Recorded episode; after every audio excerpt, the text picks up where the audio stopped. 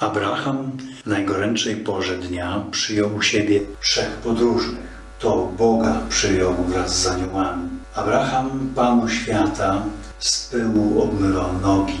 Bóg w najgorętszej porze dnia zjawił się pod dębami Mamre, by złożyć Abrahamowi obietnicę. Obiecał potomstwo mimo podeszłego wieku Sary. Ale Sara wątpiła. Jak mogłaś wątpić, Saro, że syna zrodzić możesz, co znaczy Twoja starość, skoro Pan wszystko może? Mówi psalm Abrahama w psałterzu wrześniowym autora Zbigniewa Książka i Piotra Żywika.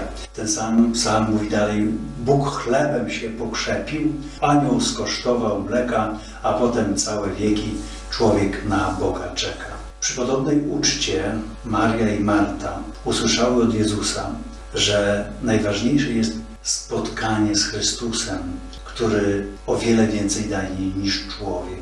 To człowieka jest potrzebny, ale co możemy dać Bogu najlepszego? On wskazuje na coś więcej, na spotkanie, na przebywanie z Nim. Czy nie słychać tu tęsknoty Boga za spotkaniem z człowiekiem? Ta tęsknota płynie z obu stron.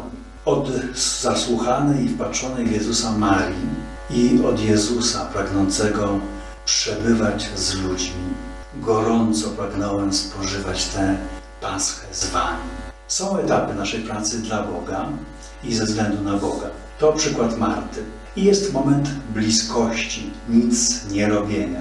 Przykład Marii. To ta najpiękniejsza cząstka, której nie będziemy pozbawieni.